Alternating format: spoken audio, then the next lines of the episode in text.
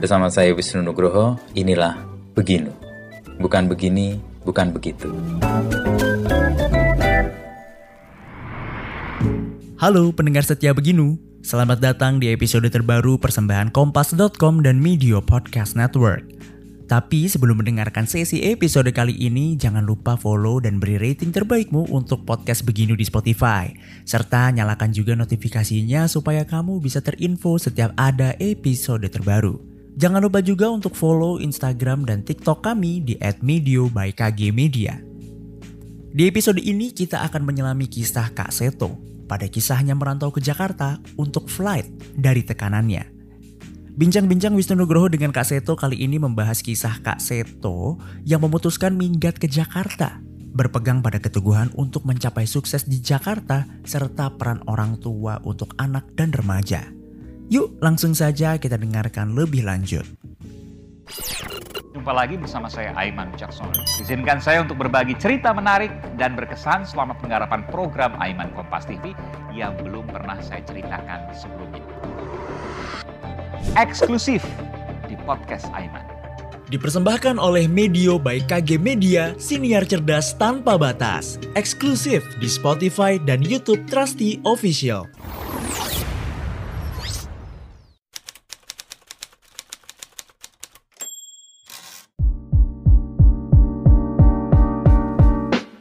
Kita bisa membedakan sebagai psikolog nih sekarang saya tanya generasi baby boomers, generasi X, generasi saya, terus generasi uh, Y, dan terakhir generasi Z yang sekarang sedang tumbuh. Tantangannya kan beda-beda kan, Sita?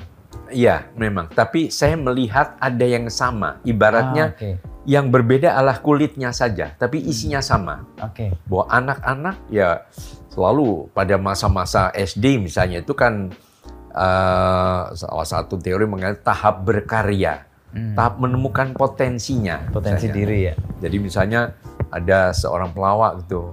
Iya, saya ingat waktu saya SD itu, wow, orang-orang udah kalau saya udah apa istilah ngocol atau apa hmm. udah orang pada ketawa gitu. Jadi wah saya pelawak atau mungkin saat itu saya udah menemukan kemampuan bermain bulu tangkis itu saya udah juara RT-nya atau apa hmm. misalnya. Jadi atau saat itu saya sudah senang menyanyi. Hmm. Jadi masa-masa itu memang harus membangun uh, apa ya, kepercayaan diri anak dengan menemukan potensi masing-masing dan memberikan apresiasi gitu. Hmm. Hmm. Nah, pada remaja memang remaja ini kan apa ya ibaratnya kalau dalam mungkin bahasa Belanda itu dibilang taplak masih terlalu kecil, hmm. dibilang serbet itu sudah lebih besar. Hmm. Jadi dia nggak jelas ini anak atau dewasa. Iya, iya, ada di tentang ya, usia yang tanggung itu ya. Makanya sering apa terjadi konflik, menemukan apa ya mencoba untuk mencari identitas ya. atau sedang sedang melawan, memberontak dan sebagainya. Dan mulai aware dengan emosi-emosinya juga. Iya, betul. Nah, mungkin gayanya saja yang berbeda ya. Okay. Saat mungkin zaman zaman zaman saya itu ya apa karena waktu itu memang sumber informasi hanya satu orang tua ya harus jadi anak yang nurut udah hmm. gitu. Hmm. Kalau mau melawan segala macam mungkin melawan dengan cara-cara yang lebih kreatif, yeah, mungkin yeah. dengan apa disalurkan menulis atau menyindir atau apa dengan cara-cara yang tidak hmm. langsung gitu. Tapi setelah banyak perkembangan, apalagi sekarang ini zaman IT ya sudah hmm. mungkin dibungkus juga dengan dunia IT yang apa ya sumbernya udah lebih beragam gitu sehingga hmm. cara menghadapinya Juga kalau berbeda. dulu pokoknya harus begini nurut harus jadi dokter nurut gitu sekarang apaan jadi dokter gue mau jadi youtuber aja misalnya atau apa hmm. jadi intinya ikuti saja uh, setiap perkembangan uh, anak maupun remaja dengan uh, warna yang berbeda atau bahasa yang berbeda. Gitu. Tapi bahwa ada naluri apa kalau uh, remaja itu pemberontakan, melawan, hmm. kemudian mencari identitas dan hmm. sebagainya atau ya peniru. Ya, makanya iklan-iklan kan menampilkan yang yang mudah ditiru ya, ya dengan ya. artis-artis dan sebagainya. Gitu. Hmm. Hmm. Tapi sebenarnya esensi atau persoalan sebenarnya sama ya, bungkusnya sama, yang betul, berbeda ya. betul, itu betul orang tua punya tanggung jawab dan punya peran yang sama aja dari generasi ke generasi. Iya, gitu. iya. Oke. Ya, makanya saya ya saya merasa zaman dulu ya saya selalu dekat dengan remaja. Hmm. Zaman dulu saya waktu itu masih dengan Pak uh, almarhum Profesor Sarlito Wirawan Sarwono. Saya ya. mendirikan Sahaja sahabat remaja. Mhm. Jadi waktu itu remaja tidak bisa didekati dengan cara-cara kekerasan, dengan cara frontal, tapi ya harus dengan persahabatan. Mhm. Nah ini sampai sekarang, sampai nanti saya kira tetap, Tetap, memerlukan itu. Mhm. Cuma gayanya saja yang yang berbeda ya. berbeda. Yang tadi Iya. taplak terlalu besar tapi Iya. sebenarnya juga kekecilan. Betul, Nah, itu betul. istilah yang saya baru tuh dapat tuh menunjukkan ketanggungan dari eh, fase itu ya, fase iya, remaja iya. itu ya. Makanya sering anak juga sering bingung, jadi saya ini siapa gitu. Hmm. Misalnya, aduh kamu harus bisa, kamu harus mandiri. Begitu dia memutuskan sini, eh kamu nggak boleh gitu, kalau kamu belum belum besar loh, hati-hati loh. Katanya sudah besar loh, kok ini Katanya belum, mandiri kok tapi digondeli ya. gitu, itu. ya. Oh, Oke. Jadi ya akhirnya salah satu yang selalu saya sarankan kepada para orang tua menggelar sidang umum MPR, Apa itu? Majelis Permusyawaratan Rumah Oh. gitu. Gimana? Jadi tuh? ibaratnya rapat keluarga, Ah, oke. biasakan tradisi itu. Mhm. Mau namanya ngobras atau konferensi meja bundar atau apa saja Intinya pokoknya. berkomunikasi. Ya, dan ternyata kan juga salah satu hak dasar anak yang dicadangkan oleh PBB adalah hak didengar suaranya. Gitu. Jadi anak termasuk remaja itu bukan saatnya lagi dipaksa, disuruh, di segala macam, tapi ya harus didengar. Ada ada semacam apa ya demokratisasi lah di dalam Mhm. pendidikan untuk anak dan remaja. Begitu. Karena itu ruang yang kemudian dia merasa ada sahabatnya kan. Iya, Karena iya, tidak dianggap asing betul. tapi didengar dan diberi ruang untuk Ya, karena kalau tidak, kalau mereka ditekan itu antara fight atau flight gitu. Ah. Ada melawan orang tua atau Atau kabur. Hmm. Berapa banyak anak remaja kabur juga Hmm. gitu. Kak Seto mengalami dulu fight atau flight ketika Ya. remaja? Ya, saya f- apa? Waktu itu kan saya eh, minta izin baik-baik kepada ibu Oke. saya bahwa saya tertekan. Saya tertekan karena saya kembar. Saudara kembar saya diterima, Di udah kuliah, setiap pulang dengan jaket alma maternya gagah. Kakak saya kalau kadang pulang juga dengan pas pakaian akabri dia begitu akabri. Lah kalau namanya Seto ini cuma tiap hari ya nyapu, ngepel, isah-isah, tahu isah-isah? Tahu kora-kora kalau Surabaya. Iya. Jadi itu sendiri, aduh, saya kan tekanan batin kan. Jadi akhirnya saya minta izin, udah kamu nanti kamu ambil jadi ini aja kedokteran hewan atau apa dulu Nanti gitu. kedokteran. Ya, eh, tapi saya nggak bisa gitu. Kalau dulu inginnya, dulu kan selalu kalau sukses tuh kalau nggak dokter, insinyur, Insinyur. Itu. Jadi ya itu yang saya kejar gitu. Tapi waduh kok begini ya. Sempat juga ngerasain tali rafia kalau ini gini. Ya. Akhirnya udah satu-satunya jalan. Pernah waktu itu bersejarah pas eh, kakak saya eh, kumpul di rumah merayakan kenaikan pangkatnya. Yang akabri tadi. Iya, yang akabri bersama teman-teman. Jadi nah biasa saya sebagai Adik. tuan rumah Oh, yang menyediakan piring yang segala cuci Yang segala isa-isa macam kan. Iya, isa-isa segala macam. Begitu udah selesai, udah pada pulang, udah saya sudah merapikan, ibu saya juga udah tidur. Hmm. Saya berunding sama saudara kembar saya. Saya bilang, saya udah putuskan besok pagi saya kabur. Lu kabur ke mana? Saya mau ke Jakarta. Pokoknya apa pun yang terjadi, saya harus lepas dari tekanan batin ini. Tapi dia ngomong, oke pokoknya ya, yang tahu hanya kamu ya. Nah, saya nggak tidur, bikin surat panjang sekali sampai empat, eh lima lembar ya kalau nggak salah. Kalau nggak salah masih ada tuh dokumentasi surat itu. Coba nanti saya cari lagi. Nah itu terus Untuk Eh, disampaikan ke keluarga. untuk ibu saya Oke, yang udah ibu. tidur itu. Udah saya taruh, taruh, taruh amplop rapi gitu. Nah, saya kan sebelumnya biasa tiap pagi jogging kan. Jam 5 pagi jogging, jadi pulang-pulang jam 7 itu sudah eh, ibu saya sudah bangun. Nah, terus saya ayo apa mungkin Bantu. belanja ke pasar segala macam itu. Nah, itu juga eh, udah terus eh, saya bawa ransel gitu ada beberapa pakaian di almari itu pakaian kami sebagai anak kembar selalu sama. Ini yang merah, biru, kuning. jadi Oh, setumpuknya sama diperlakukan begitu kan. sama ya? Iya. Udah kayaknya eh, itu diam-diam saya ambil, saya apa Masukkan ke bawa ya. Udah saya langsung pergi ke stasiun dengan uang yang saya kumpulkan eh, apa Naik kereta iya saya naik kereta ke ke Klaten dulu untuk pamit Eyang. Oh, jadi saya bilang Eyang mohon maaf saya nggak pamit ibu. Tapi karena kalau pamit nggak boleh saya karena saya memutuskan ini. Akhirnya Eyang memberi restu ya udah yang beri restu pokoknya hati-hati saja gitu.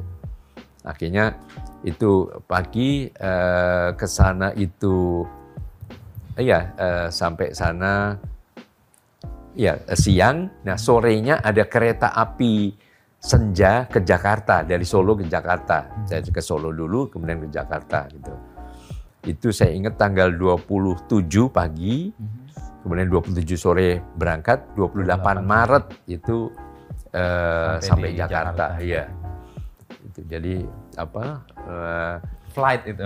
itu flight saya ke sana Fight gitu. lalu flight itu. iya ya. iya fight saya nggak fight karena Nah, saya harus saya selalu Patuh. sopan kepada ibu saya patuh. Ya baik bu baik bu. Tapi ya udah satu-satunya ya udah kabur itu itu dan upaya untuk menunjukkan dan melepaskan tekanan psikologis yang dibanding-bandingkan tadi berhasil di Jakarta.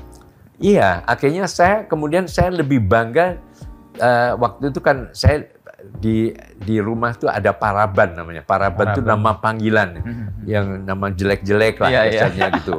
Nah, saya sih pelentong dia gembong, tapi panggilnya tong sama bong gitu. Tongbong ya. Ya teman-teman saya SD pada hafal pasti kalau saya ketemu kamu si tong ya, tong atau bong gitu. Gitu. Jadi akhirnya eh, kalau di rumah di keluarga besar kan tong tong mas tong mas, Mas tong Tong, gitu. Mas, Mas Ya. Bong. Eh, tapi begitu ini saya mau melupakan nama tong itu udah nama saya adalah Seto Seto. Oke. Apalagi setelah kemudian Pak Kasur memberikan Kayak di gelar eh, K itu dibaptis gitu ya. Akhirnya ya udah saya lebih lebih Pede. mantap dengan itu ya udah sebenarnya dan saya nggak ingin menjadi apa bayang-bayang dari Dari saudara kembar saya gitu jadi ya udah Seto Kak Seto yang yang dia suka apa mencintai anak-anak dan sebagainya itu yang kemudian saya saya membangun rasa percaya diri tadi Oke. gitu. Butuh berapa lama kalau Kak Seto melihat proses untuk keluar dari bayang-bayang dibandingkan dengan adik? Iya lalu sekitar kemudian dua tahun lah Oh dua Saya tahun. merasa, Cep- ya cepat baru ya? akhirnya udah begitu jadi begitu saya pernah eh, kira-kira tiga tahun kemudian pulang ke suatu tempat ke saudara sepupu Hmm. yang di eh, Purwokerto waktu itu nah terus putra putrinya pada bilang eh, Om Tong Om Oh, Tong oke. gitu duh rasanya kok saya mau Kembali menghapus lagi nama iya gitu sempat shock gitu ya Oke. saya mau melupakan nama Tong itu gitu Itu berarti udah fase udah melewati eh, perasaan inferior tadi Iya, ya. Tapi iya. diingatkan lagi muncul lagi. Iya, iya, Oh, oke. itu, Itu kayak- semacam ada pengalaman traumatik. Sekarang udah selesai itu pasti. udah, ya Udah selesai. udah, ya udah deh. Pokoknya apa pun ya udah saya terima, gitu. Mhm. Jadi mau mau tong, mau teng, mau tung. Tapi respon ibu waktu tahu ternyata Kak Seto itu flight apa? Yang pertama Kak Seto? Iya, memang sempat nangis. Kan kan saya waktu itu Di Jakarta komunikasi ada dengan keluarga? surat. Enggak, enggak di Nggak ada, Jakarta. nggak ada, nggak Oh, ada. lo keluar. sama sekali iya, pergi iya. aja? Makanya jadi eh, nggak ada, ya mungkin ada ada tante waktu itu, tapi nggak Nggak tinggal di situ. eh, eh, nggak dekat ya. Mhm. gitu jadi ya jadi komunikasinya malah waktu itu eh, ada ada teman lah begitu tempat tempat saya jadi tukang batu di rumah dia Hmm. itu eh, langsung saya cerita apa keadaan saya akhirnya ya udah saya yang saya yang tulis surat gitu. Ibu. jadi tulis surat ke ibu saya sahabatnya Seto pokoknya udah besar lah udah dewasa Seto aman-aman di sini baik-baik kok gitu pokoknya tenang saja percaya suatu saat nanti akan kembali eh, pada saat sudah sukses gitu Oh. katanya waktu itu gitu. Terus Iya. Kak Seto bisa kembali dan ketemu ibu lagi setelah berapa lama dan Iya, momen mungkin, apa? eh, saya waktu itu sudah sudah selesai eh, bukan sudah masuk kuliah ya. Oh, udah di UI. Iya, sudah Ah, di psikologi. UI ini. Jadi ya itulah saya mahasiswa UI lah paling Oh, tidak oke. itu ya. Kalau mau dibandingkan pun ada ininya, ada pride-nya lah ya. Ada proyeknya gitu. Ya. Kemudian ya udah saya pulang. Kebetulan saya sudah banyak teman. Saya bersama dengan ada orang Australia. Ah, oke. Orang Australia dan ya ya karena udah ini apa berbahasa Inggris lah gitu. Terus saya ajak mau nggak eh, nemenin ke sana. Jadi ketemu gitu ya waduh. Terus kalau ngomong saya ya bahasa Inggris sedikit-sedikit lah Oke. udah udah sedikit lancar gitu. Jadi wah gitu, ibu juga bahagia sekali Oh, akhirnya. Oh ya udah deh. Pokoknya yang penting eh, kamu selamat, jadi ibu senang gitu. Dan restu kemudian diberikan ya. Dan Iya. hanya restu eyang kan tadi. Karena Iya. restu ibu yang di. Iya, karena waktu itu kan sempat waktu pergi, loh kok jam sekian belum pulang. Jam bilang pada waktu jam 9 buka lemari, loh kok ini satu pakaian udah hilang semua. Oke. Langsung, ah jangan-jangan minggat anak ini gitu. Lalu ada rangsel kecil itu kok juga udah Nggak nggak ada. ada gitu. Oke. Wah itu nangis. Nah pada waktu siangnya Kresno sudah pulang, ibu nangis tong, tong apa pergi meninggalkan kita semua gitu. Oh pantesan bu ini ada surat. Pura-pura nggak tahu. itu apa drama Korea. Skenario udah dibuat sebelumnya. Udah dibuat. Terus ini coba ini buat ibu nih gitu baca. Oh ibu tambah nangis gitu. Ya udah bu, udah udah kita kita ikhlaskan aja kok. Udah yang penting kita eh, dia akan hati-hati kok gitu. Apa yang membuat Kak Seto tetap teguh dengan kan pasti di tempat asing nggak kenal siapa-siapa goda untuk menjadi tidak benar kan juga banyak ya. Tapi apa Iya. yang membuat Kak Seto stick dengan ingin mencapai sesuatu? Iya, ya itu tadi bahwa saya ke sana ke Jakarta atau pokoknya minggat ini harus sukses. Gitu. membuktikan sesuatu. Iya, saya harus menunjukkan bahwa saya pun mampu gitu. Hmm. Jadi apa pun juga saya harus sukses jadi jadi orang lah gitu. Gitu dan waktu itu juga juga apa ya idola saya mengiang-iang ya Bung Karno itu dengan berbagai dinamikanya beliau juga pernah ditahan dan segala macam. Ah ini mungkin perjalanan panjang yang harus saya saya lalui Lalui, gitu. Ya. Ada tahapan yang harus seperti itu ya, Iya, harus flight betul. gitu ya. Betul gitu. Jadi ya udah apa pun juga yang yang tangguh lah gitu. Apalagi saya sudah menemukan prinsip gembira tadi ya gitu. Jadi intinya juga emosi harus ada emosi jadi ya, ya jangan cengeng, Ya. jangan kemudian ragu-ragu gitu. Harus udah tegas ini apa pun juga saya harus jadi ini, jadi ini gitu. Nah memang setelah itu pernah berapa kali ditawarin jadi menteri segala macam. Saya ingat nasihat Pak Kasur. Saya bilang, "Mohon maaf, biarlah saya tetap jadi istilahnya tukang ngomong anak-anak Indonesia. Gitu. Kapan waktu itu ditawari jadi menteri ketika Presiden Soeharto? Ya, ya zaman beliau pernah, kemudian ya beberapa yang lain ya. Tapi saya nggak ingin inilah. Iya, tapi Kak Seto teguh dengan keinginan untuk menjaga dan Iya, merawat dan mendidik iya. anak-anak itu ya. Iya, iya betul. Jadi pokoknya apa pun juga saya eh, dan saya anak-anak semua anak ya. Hmm. Saya tidak memulai segala pernah saya juga waktu itu kasus eh, sempat ramai, sempat saya juga dihujat banyak orang. Waktu saya mendengar peristiwa yang apa sih eh, di apa eh, kilometer 50 kasusnya eh, Habib Rizik itu iya, kan, FPI ya itu. waktu itu. Iya. Nah, saya hanya mendengar bahwa itu ada anak, ada anak yang kemudian terguncang. Nah, saya spontan saja gitu. Saya langsung waktu itu juga sendirian, eh, mungkin ditemenin oleh eh, menantu saya ya, itu eh, udah masuk kandang macan istilahnya. Udah saya saya saya orang-orang ya mungkin lihat saya ya udah saya assalamualaikum masuk ke sana. Saya hanya mau lihat anak yang katanya apa waktu dia ikut peristiwa itu gitu. Nah, saya sengaja nggak memberikan me- tahu media macam. itu, tapi rupanya di sana keluarga di sana ada media yang mewawancarai, mewawancarai saya kan ya. Saya sih bilang apa aja, pokoknya saya anak-anak mau anak teroris mau anak apa, saya hanya lihat anak. Oke. Jadi jangan dikaitkan dengan orang tuanya. gitu. Karena saya konsisten pada perlindungan anak Oke. saya hanya ingin tahu anak ini betul nggak trauma apa segala macam gitu. Hmm. Setelah ternyata nggak ada apa-apa ya sudah. Hmm. Nah rupanya oleh apa ya Media. media, di situ terekspos gitu. Wah udah rame. Disalah nih. tangkap Iya. dan dibuat eh, beda ya. Iya. Gitu. Ya aku waktu itu ada Jokower atau Hmm. apa gitu. Padahal saat itu saya juga dekat dengan Bapak Presiden ya. Ya dengan tujuh presiden cukup dekat lah. Semuanya manggil Gitu, Kak ya. kecuali Pak Karno ya. Iya, gitu. Jadi tapi ya udah bilang oh segala macam ya udah saya bilang karena belum tahu. Bahkan Concernnya teman-teman ya. teman-teman kampus, teman-teman organisasi bilang wah kamu tuh gini gini gini. Ya udah karena belum tahu aja. Jadi pelan-pelan gue juga akan, akan terbuka, akan terbuka, kebenarannya. iya, ya. iya. Jadi itu aja bahwa saya intinya amanat Pak Kasur tanggal Oh, 23 September tahun 70 itu saya ingat pokoknya tolong lanjutkan perjuangan saya untuk melindungi dan mendidik anak-anak Indonesia. Mhm. Dan untuk menjaga komitmen teguh merawat anak-anak di tengah godaan untuk ditawarin posisi-posisi itu yang membuat Kak Seto nggak bergeming apa atau yang membuat Kak Seto teguh di situ? Iya, saya eh, kan sesuatu juga ibaratnya mengalir ke tempat yang lebih rendah kalau air kan. Ya. Nah, kita ke tempat sesuatu yang yang menyenangkan kan, Mhm. yang membuat saya juga bahagia. Mhm. Ya, dengan dunia anak-anak itu bahagia sekali gitu. Oke.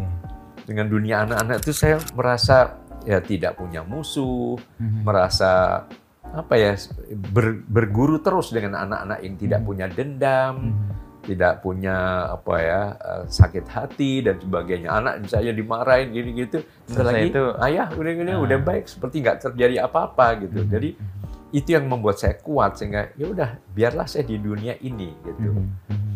Dan ya mungkin kalau sering ditanya apa resepnya kok ya dibilang katanya awet muda ini ya karena saya apa ya menikmati seperti anak-anak gitu. Oke. Jadi ya nggak ada nggak ada sakit hati, nggak ada dendam. Ya pernah saya dimaki di apa, ya udahlah. Tuhan yang akan menentukan semuanya. Udah Mhm. Mhm. intinya itu aja. Jadi justru dengan anak-anak kasih tahu berguru dan mendapatkan value-value yang membuat hidup lebih eh, Betul. lebih baik ya, lebih tentram, Betul, ya, lebih betul. meaningful ya kalau Iya, dalam iya. konteks eh, memaknai dibanding tawaran ini tawaran itu. Iya, ya. iya. Oke. Betul. Sebenarnya biarlah saya menikmati dunia anak-anak yang sangat indah ini dan Mhm. saya selalu makanya apa ya eh, saya minta apa anak saya yang sudah menikah yuk tinggal sama-sama di sini aja deh Hmm. gitu karena ka- ada beberapa rumah gitu yang dalam satu kompleks Hmm. ini ya udah setiap saat saya kangen cucu ya udah ya saya bisa menggendong memeluk Mhm. ya segala macam gitu jadi ini sumber kekuatan buat saya sumber kedamaian dan sumber kesehatan jiwa saya juga Hmm. gitu Oh iya, kesehatan jiwa kan sekarang jadi isu yang sangat iya eh, iya concern yang sangat apa ya banyak dipercakapkan betul orang. betul Dan lewat betul. anak-anak biasanya kita dapat energi, Iya, dapat iya, sangat, penyembuhan gitu ya. betul betul Mhm. gitu dan saya juga bersahabat dengan cucu saya Mhm. Kadang-kadang apa ya mereka juga ikut apa lari-lari Hmm. ikut apa nyanyi kadang-kadang belajar main musik Oke. Kalau bertemu dengan anak kan itu kan ada momen-momen yang menyebalkan juga ya Kak Sito. Atau kita ngerasa gondok atau jengkel gitu ya. Kak Sito menghadapi itu enggak? Atau kalau menghadapi gimana caranya?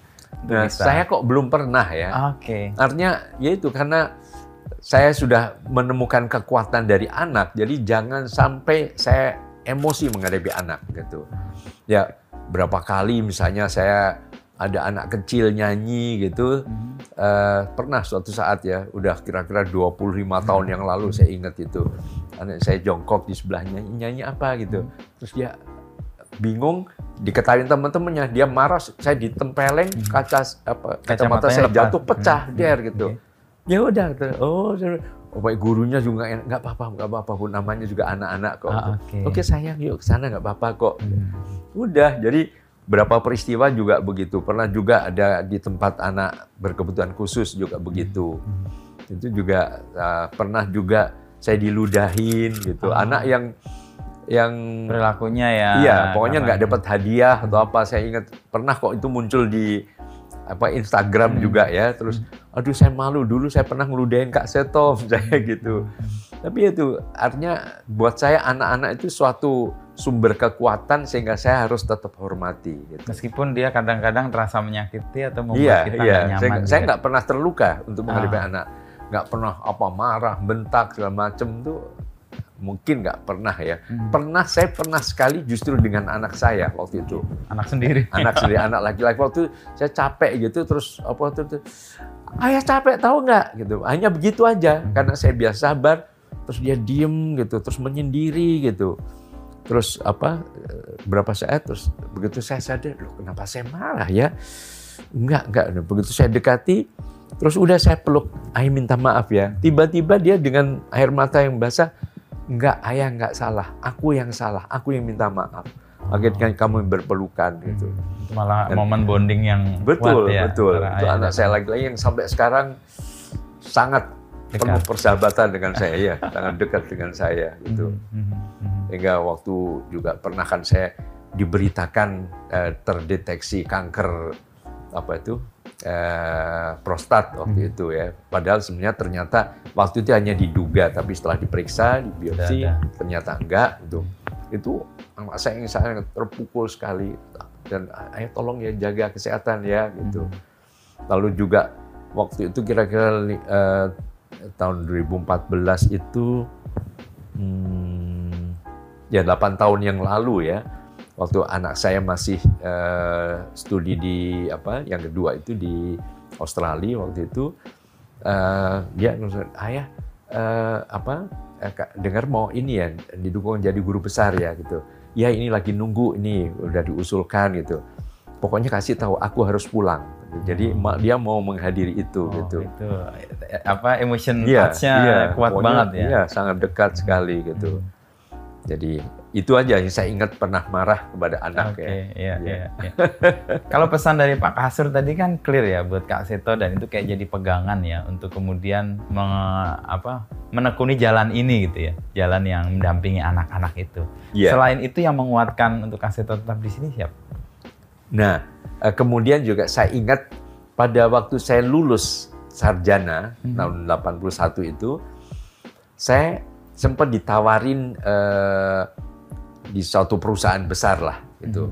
Nah, kemudian saya tanya kepada dekan saya, Ibu Profesor eh, Saparina Sadli. Ya. Sampai sekarang masih ada. Beliau bahkan ya cukup dekat lah gitu. Mhm. Kadang-kadang ya toh kapan ini Mhm. waktu guru besar juga memberikan Ya. selamat juga gitu.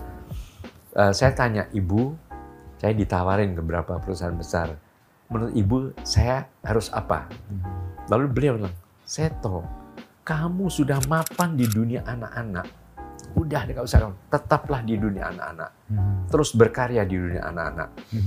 Jadi itu beliau yang ya Kayak ketiga ya, ya. setelah Pak Kasur, kemudian Pak eh, Edinal Prayana itu Profesor Sadli itu. Beliau Hmm. yang kemudian aduh saya bilang oke, baik terima kasih. Hmm. Udah akhirnya ya sudah saya terus di dunia anak-anak ini. Sampai sekarang dan itu kayak Sampai jadi sekarang. memberi energi yang terus menerus tadi tuh. ya. Jadi Betul. guru juga anak-anak itu. ya. Iya, iya betul. Kalau dalam posisi Pak Kak Seto sekarang kan masih dikenal sebagai Kak, ya. padahal sebenarnya Kek ya. Kayak Nah, itu ada perasaan gimana? Eh, Iya, ya saya beberapa kali juga saya tanya kepada anak saya, boleh nggak nanti pas umur 70 tahun kemarin itu langsung ayah umumkan panggilnya jangan Kak Seto tapi Kek Seto gitu. Terus dia mungkin aduh, tanya beberapa teman gitu, udah nggak usah biar tetap aja Kak.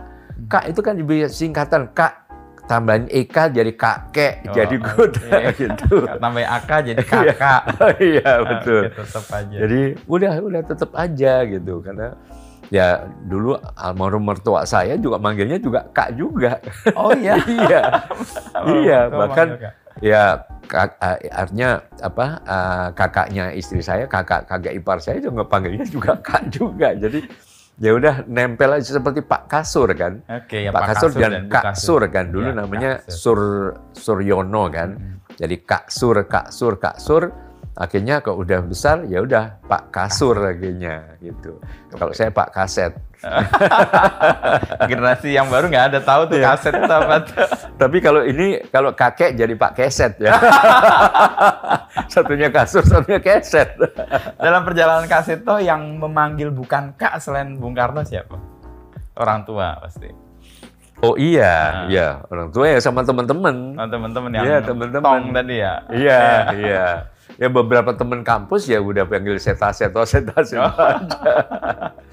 Kadang-kadang sudah sudah besar ya masih manggil yang pelayan panggil nama, tapi saya bilang Kak Seto, Kak Seto. Akhirnya saya nggak enak ya, semua saya panggil Kak semua. Jadi, gitu.